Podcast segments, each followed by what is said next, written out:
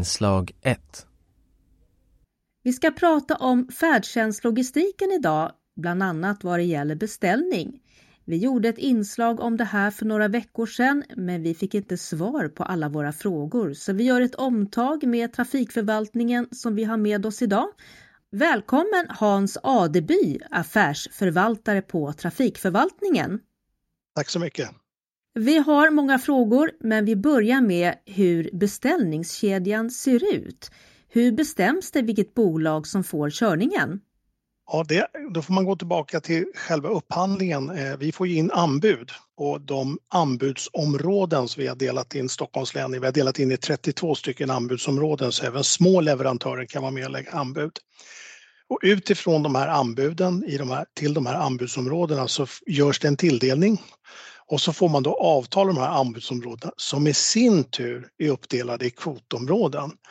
Och den leverantör som har tilldelats avtal i det kvotområde där då den här hämtadressen ligger, dit man vill ha taxen, det taxibolaget får köruppdraget. Det är fem bolag som kör i de olika kvotområdena och ofta finns det flera leverantörer som kör i samma område. Bolagen är Haninge Nynäshamnstaxi, Samtrans som nu inte bara kör rullstolstaxi, Sverigetaxi, Södertäljetaxi och Taxi Stockholm. Men hur är det med storleken på de här kvoterna? På Lidingö till exempel var tilldelningen för lite. Det fattades bilar. Men Hans Adeby säger att de dagligen följer upp hur förhållandena ser ut mellan tillgången på bilar i kvotområdena och antalet beställningar och att det justeras. Men det kan hända att kvoten är fylld.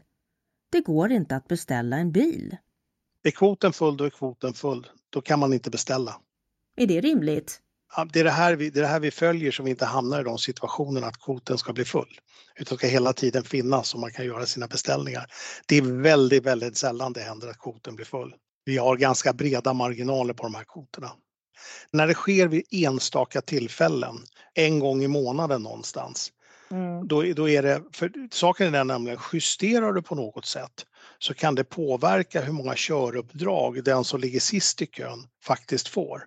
Om vi har tio, tio, en kvot på 10 beställningar och de första fem får bolag A, nästkommande tre får bolag nummer två och de sista två får bolag nummer tre, 5, 3, 2. Men är det så på ett sådant sätt att vi har en sån hög kvot, att vi har en kvot på 20 köruppdragen här, men vi kommer bara få in kanske åtta beställningar. Då kommer alla åtta gå till den som har de första fem, det vill säga de första 50 procenten. Det här räknas i andelar nämligen. Så vi måste se till att den som har den sista andelen också får något köruppdrag. När ni får en beställning då, hur når det sen föraren? Vi, vi tar in beställningen i vårt system. Vårt system pratar med taxibolagens system.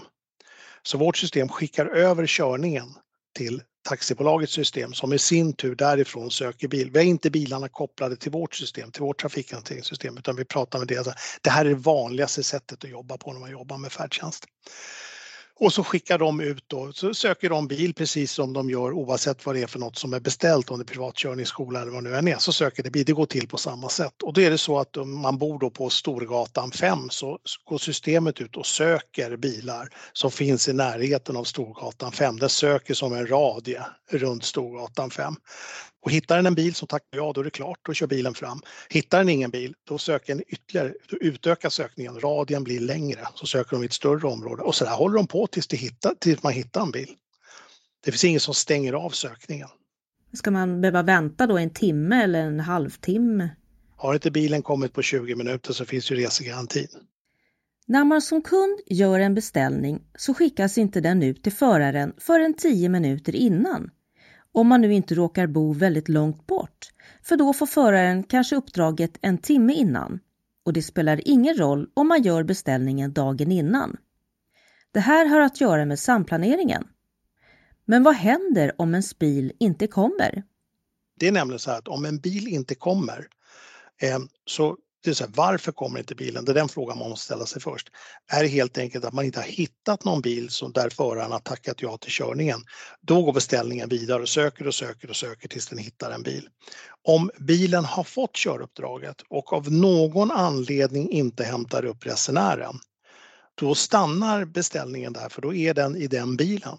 Då så att man kan säga att eh, då, då betraktas det som att köruppdraget är utfört. Systemet ser det på det sättet. Om vi säger att det är en bomkörning som vi säger att man inte möter, möter upp resenären.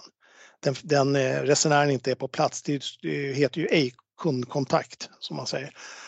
Då är det helt enkelt, då är, då är, då är resenären inte där och det är bara för bilen att åka därifrån och man skickar inte fram någon ny bil då eftersom resenären var inte där första gången, lär inte vara andra gången heller. Men eh, är det så att bilen av andra skäl inte har kommit fram Eh, och den har tackat ja till körningen men bilen kommer ändå inte, då, då är det tyvärr så att har de väl tackat ja, då ligger körningen i det fordonet, i det systemet och den går inte tillbaka. Eh, när du, om du då står där och väntar på en bil och den inte har kommit och det går 20 minuter, då ringer du ju resegarantin. Resegarantin kommer då titta, de ser ju vilken leverantör, alltså vilket taxibolag har fått det här köruppdraget, för det framgår. Låt oss säga att det är Taxi Stockholm. Då kontaktar de trafikledningen på Taxi Stockholm och säger, var är bilen? Är det någon bil som har tackat ja? Är den på väg? Var är den någonstans? De ställer alla de här frågorna för att du som resenär ska få svar. Det händer ju det här att det blir problem att förare eh, inte kommer till den platsen man faktiskt har sagt för att föraren inte hittar platsen trots att det finns GPS idag. Vad är det för krav ni, ni kan ställa? Precis som du säger, vi ställer krav på att det ska finnas eh, navigationsutrustning i bilen och den ska användas. Och den ska också uppdateras så den är aktuell. När vi får in besked, vi kan ju bara få reda på sånt där från en resenär. Och när vi får reda på att eh, någon resenär pekar på det här är en förare som definitivt inte hittar och klarar inte av att använda sin navigationsutrustning på rätt sätt, då kontaktar vi leverantören och säger till honom, ni måste lära upp den här föraren så han förstår hur han ska använda navigationsutrustningen. När vi ringde och pratade med eh, växeln så sa de att föraren inte har skyldighet att ringa till beställaren och kolla om personen inte eh, står på rätt plats. Stämmer det? De ska, de ska höra av sig om de misstänker att de, att de blir sena. ska de höra av sig och berätta det. Och när har kommit fram och inte får någon kontakt med resenären, då ska de ringa upp resenären och säga hej jag står här och här, var är du? Och det har de skyldighet att göra? De är skyldiga att göra det. Ja, de ska göra det. Eh, vad händer då med, med den här föraren som av någon anledning bommar? Hur är rutinen där? Om en, om en förare bommar ett köruppdrag så måste vi ju på något sätt veta om han var framme eller han eller hon har varit framme på adressen eller inte när de tryckte bom. Och det kan vi tyvärr inte se. Hur menar du då? Jo, det är nämligen så att när han trycker på knappen ej kundkontakt så skickas det eh, en GPS-position till bolagets datorer, leverantörens trafikhanteringssystem. Men vi kan inte se det, de ser det och vi, kan inte, vi, har, vi får så mycket information i våra datorer att vi får inte plats med mer information. Så vi kan inte ta emot hur mycket som helst. Men det är någonting vi, vi håller på att ska lösa så vi kan få in den informationen. Kan vi däremot visa på något sätt att den här föraren har tryckt bom när han, eh, han var inte på plats, han var på fel plats. Då är det så, det är, det är faktiskt ett vite på det. Det vitet går till leverantören och inte till föraren. Vi har ju ett avtal med leverantören, sen får han hantera förarna bäst han vill. Om han vill lägga vitet vidare på föraren eller inte, det är upp till dem. Men vi lägger ett vite vid de tillfällen då det har varit en bomkörning och vi kan visa att det där var inte en bom. Föraren var inte på rätt ställe. Men eh, det kan ni inte se nu så därför kan inte, det blir inga viten. Hur ska, vi, hur ska jag tolka det? Vi sätter oss med jämna mellanrum tillsammans med leverantörerna så får vi eh, titta i det, tittar vi på ett antal köruppdrag så var det bom och så tittar vi i deras system, deras GIS-system, så ser vi hur det ser ut. Leverantörerna vill inte ha förare som åker, åker runt och trycker bom och inte åker fram. Det vill de inte ha. Så de har ett intresse själva av att följa det här. Får kunden reda på eh, hur, eh, alltså man har klagat på en förare? Vi, vi som sitter här uppe på förvaltningen kontaktar inte resenärerna. De får däremot ett svar från vår kundtjänst.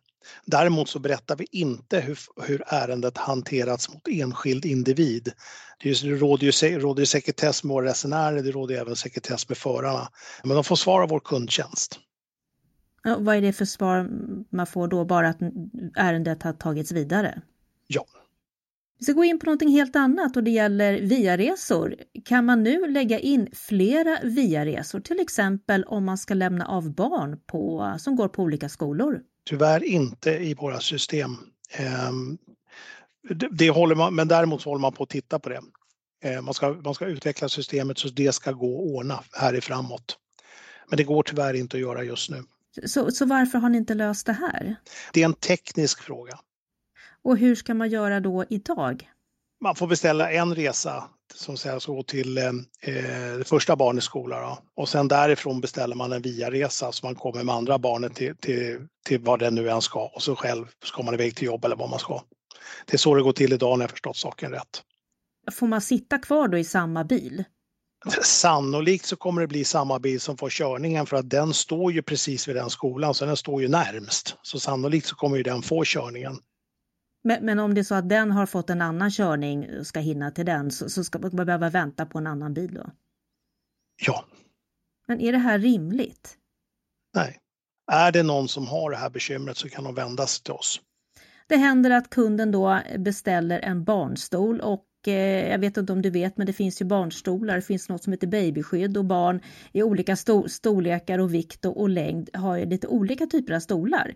Eh, men eh, det har hänt att det är fel barnstol som kommer eller att före säger jag har bara en barnstol och det till exempel kan vara sån här liten där bebis ska sitta där ett större barn helt enkelt inte får plats den här frågan landade faktiskt på mitt bord. Eh, för det var före vi gjorde upphandling, senaste upphandlingen här. Då såg jag till att det kom in i upphandlingsunderlaget att det ska vara barnstolar och de ska vara inte babyskydd utan barnstolar och de ska vara i, eh, man ska sitta baklänges i körriktningen.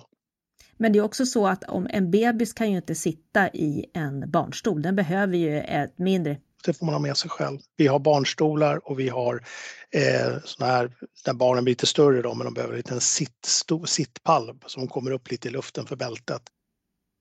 Okej, okay, så att det, det som gäller för färdtjänsten är bakåtvänd bilbarnstol, alternativ bälteskudde och inte babyskydd.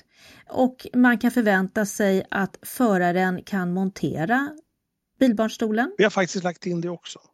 För det har hänt, har vi hört flera gånger, att eh, de inte kan eh, sätta fast den eller sätter fast den felaktigt så att den inte blir säker. Det har vi hört också och vi pratar med leverantörerna att de ska kontrollera att den förare som hävdar att de har en bilbarnstol ska också visa upp att de kan montera den. Så det är omhändertaget i avtalen och hittills har jag inte fått någon som har pratat i alla fall med mig eller sett att det inte har fungerat. Men skulle vi se, skulle vi få in att det är någon förare som inte har klarat av det här på ett bra sätt, då är det riktigt allvarligt. Då, då, då, då kontaktar vi leverantören omedelbart och då får de ta in föraren och prata med honom direkt. För det här måste fungera. Det här är svart eller vitt, det finns inga, finns inga nyanser däremellan. En annan fråga är lite anslutande är om man har en jobbresa men eh, den här dagen så ska man jobba någon annanstans. Man kanske har fått ett sent besked att man ska ha ett möte på annan adress. Hur kan man ändra jobbadress? Kan man bara snabbt säga att Nej, men idag ska jag till den här adressen? Det borde ju vara rimligt att man kan göra så som du säger men jag, jag, kan in, jag vet faktiskt inte för det ligger inte hos mig alls. Då kan jag säga att vi har hört bara häromdagen att en person har lagt in en jobbadress på ett nummer på en gata men då ville byta att åka till en port bredvid. Och eftersom det är en person med synnedsättning så är det inte helt lätt att själv då ta sig från punkt A till punkt B. Men det gick inte, trots att det liksom inte var många meter emellan. Är det rimligt? Det är klart att det inte är rimligt. Det säger sig själv. Jag vet inte varför det är på det sättet. Jag kan inte svara på det. Jag tror att vi har eh, gått igenom, är det, är det något annat som du eh, vill tillägga på hur du tycker att eh, avtalen eh, efterföljs? För det, de har ju gällt nu ett, de nya, den nya upphandlingen ett halvår ungefär. vi följer upp flera saker när vi tittar på de här avtalen. Vi följer naturligtvis upp det, det basala. Vad tycker resenärerna? Vad har vi för kundnöjdhet? Vi tittar på, kommer bilarna i tid eller inte? Vi tittar på, kommer bilarna eller kommer de inte? Vi kan ju se sådana saker också. Eh, eh, vi följer upp ärenden vi får in ifrån resenärer. Det tittar på vad är för någonting vi får in och vi följer, det här följer vi upp med leverantörerna löpande hela tiden vad vi får. Vi tittar på hur många samtal får vi in när det gäller synpunkter, hur många samtal får vi in när det gäller resegarantin. Vi följer alla de här värdena och ser, för det är, det är ju en tydlig indikation, alltså ökar antalet resegarantiresor då förstår vi någonting heter som det ska, eller sjunker tidspassningen så ser vi någonting är ju inte som det ska och då kan vi reagera snabbt när vi får de här siffrorna. Men just nu så har vi väldigt bra, eh, väldigt bra värden. Vi har en tidspassning på 94 procent. Eh, vi har resegarantiärendena sjunkit med två tredjedelar. Så vi har idag eh, en väldigt bra funktion. Det betyder inte att det är perfekt, men det är betydligt mycket bättre än vad det var för ett år sedan.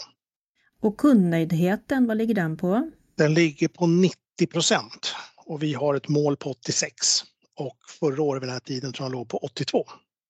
Vilken är den eh, utmaning som ni jobbar med nu? Du har ju nämnt några saker som ni inte riktigt hade koll på det försvann ju väldigt många bilar under pandemin och när man skulle börja återhämta sig då som väl egentligen i år 2022 då hade man möjlighet att återhämta sig så kommer den här lågkonjunkturen med räntor upp i taket och det.